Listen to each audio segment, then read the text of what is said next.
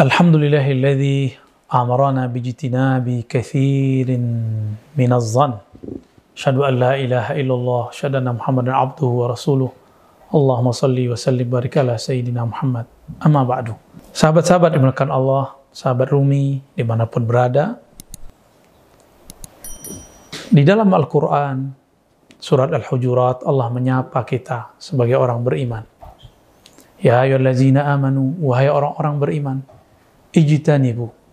Jauhilah kathiran minazan kebanyakan daripada asumsi dan prasangka. Kenapa? Karena sebagian besar daripada zan itu ismun inna ba'da zanni ismun sesungguhnya sebagian besar daripada zan itu adalah ismun adalah dosa. Apa itu? Jadi zon persangkaan dibagi dua. Ada zon berarti berbaik sangka, ada yang buruk sangka. Berburuk sangka itu ada baiknya untuk kewaspadaan. Berbaik sangka juga ada buruknya jika kita berbaik sangka ke semua orang, padahal dia sedang mau merusak kita. Maka di situ ditanyalah sir kolbu. Kolbu sedang memperhatikan apa, merasakan apa. Sahabat-sahabat yang Allah, di masa Rasulullah Shallallahu Alaihi Wasallam, Nabi mempraktekkan itu.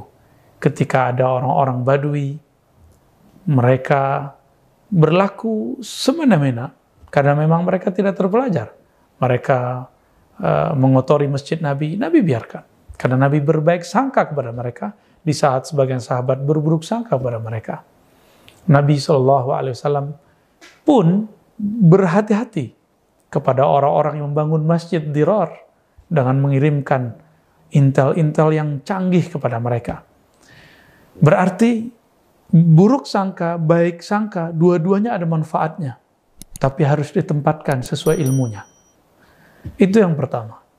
Sahabat-sahabat yang bukan Allah, sekarang kita ada persoalan, yaitu bolehkah berprasangka kepada guru? Bolehkah suzon kepada guru? Ya Rob, kalau guru kita berprasangka, kepada guru kita su'zad, lalu bagaimanakah dengan musuh? Pantaskah seorang murid yang tidak mengetahui jalan kepada Allah berprasangka kepada gurunya? Jika Anda berprasangka kepada guru, carilah guru yang lain. Karena itu adalah awal daripada kegagalan rohani. Tapi jika masih bisa, bisa itu diperbaiki, segera perbaiki. Tobat daripada zon ini sangat susah sekali karena dia akan berulang, berulang terus. Inilah yang yang dikerjai oleh iblis, syaitan.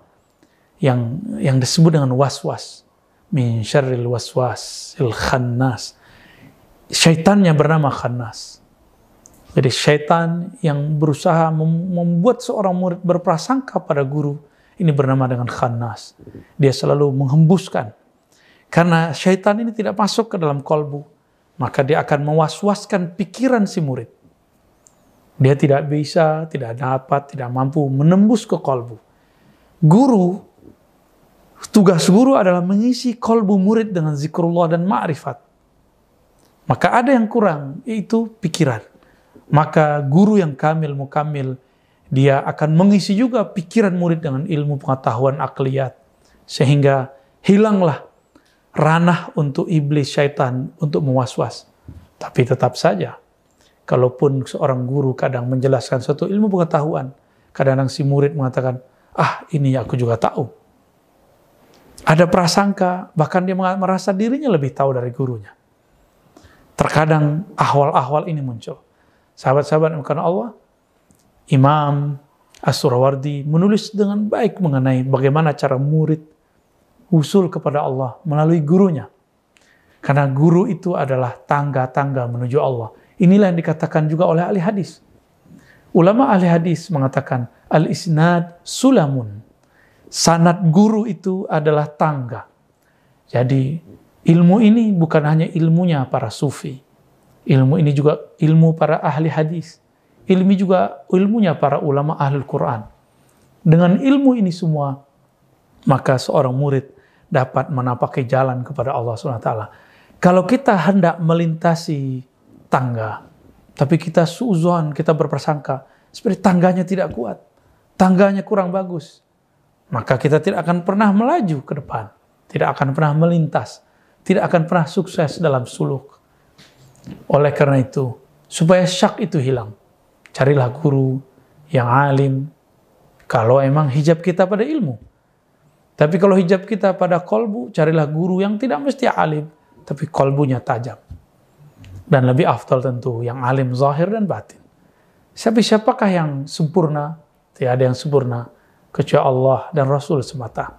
Maka sahabat-sahabat dimakan Allah, hindari berprasangka kepada guru, supaya kita dapat menembus wusul kepada Allah. Karena perjalanan saya melihat banyak murid tidak pernah usul, tidak pernah merasakan kesadaran itu karena dia masih berprasangka kepada gurunya. Mari berhusnuzan, yakin kepada ilmu yang diberikan, wa'bud rabbaka hatta ya'tiyal yakin. Sembahlah Allah, kenali Allah sampai engkau betul-betul yakin. Sallallahu alaihi wasallam Muhammad. Assalamualaikum.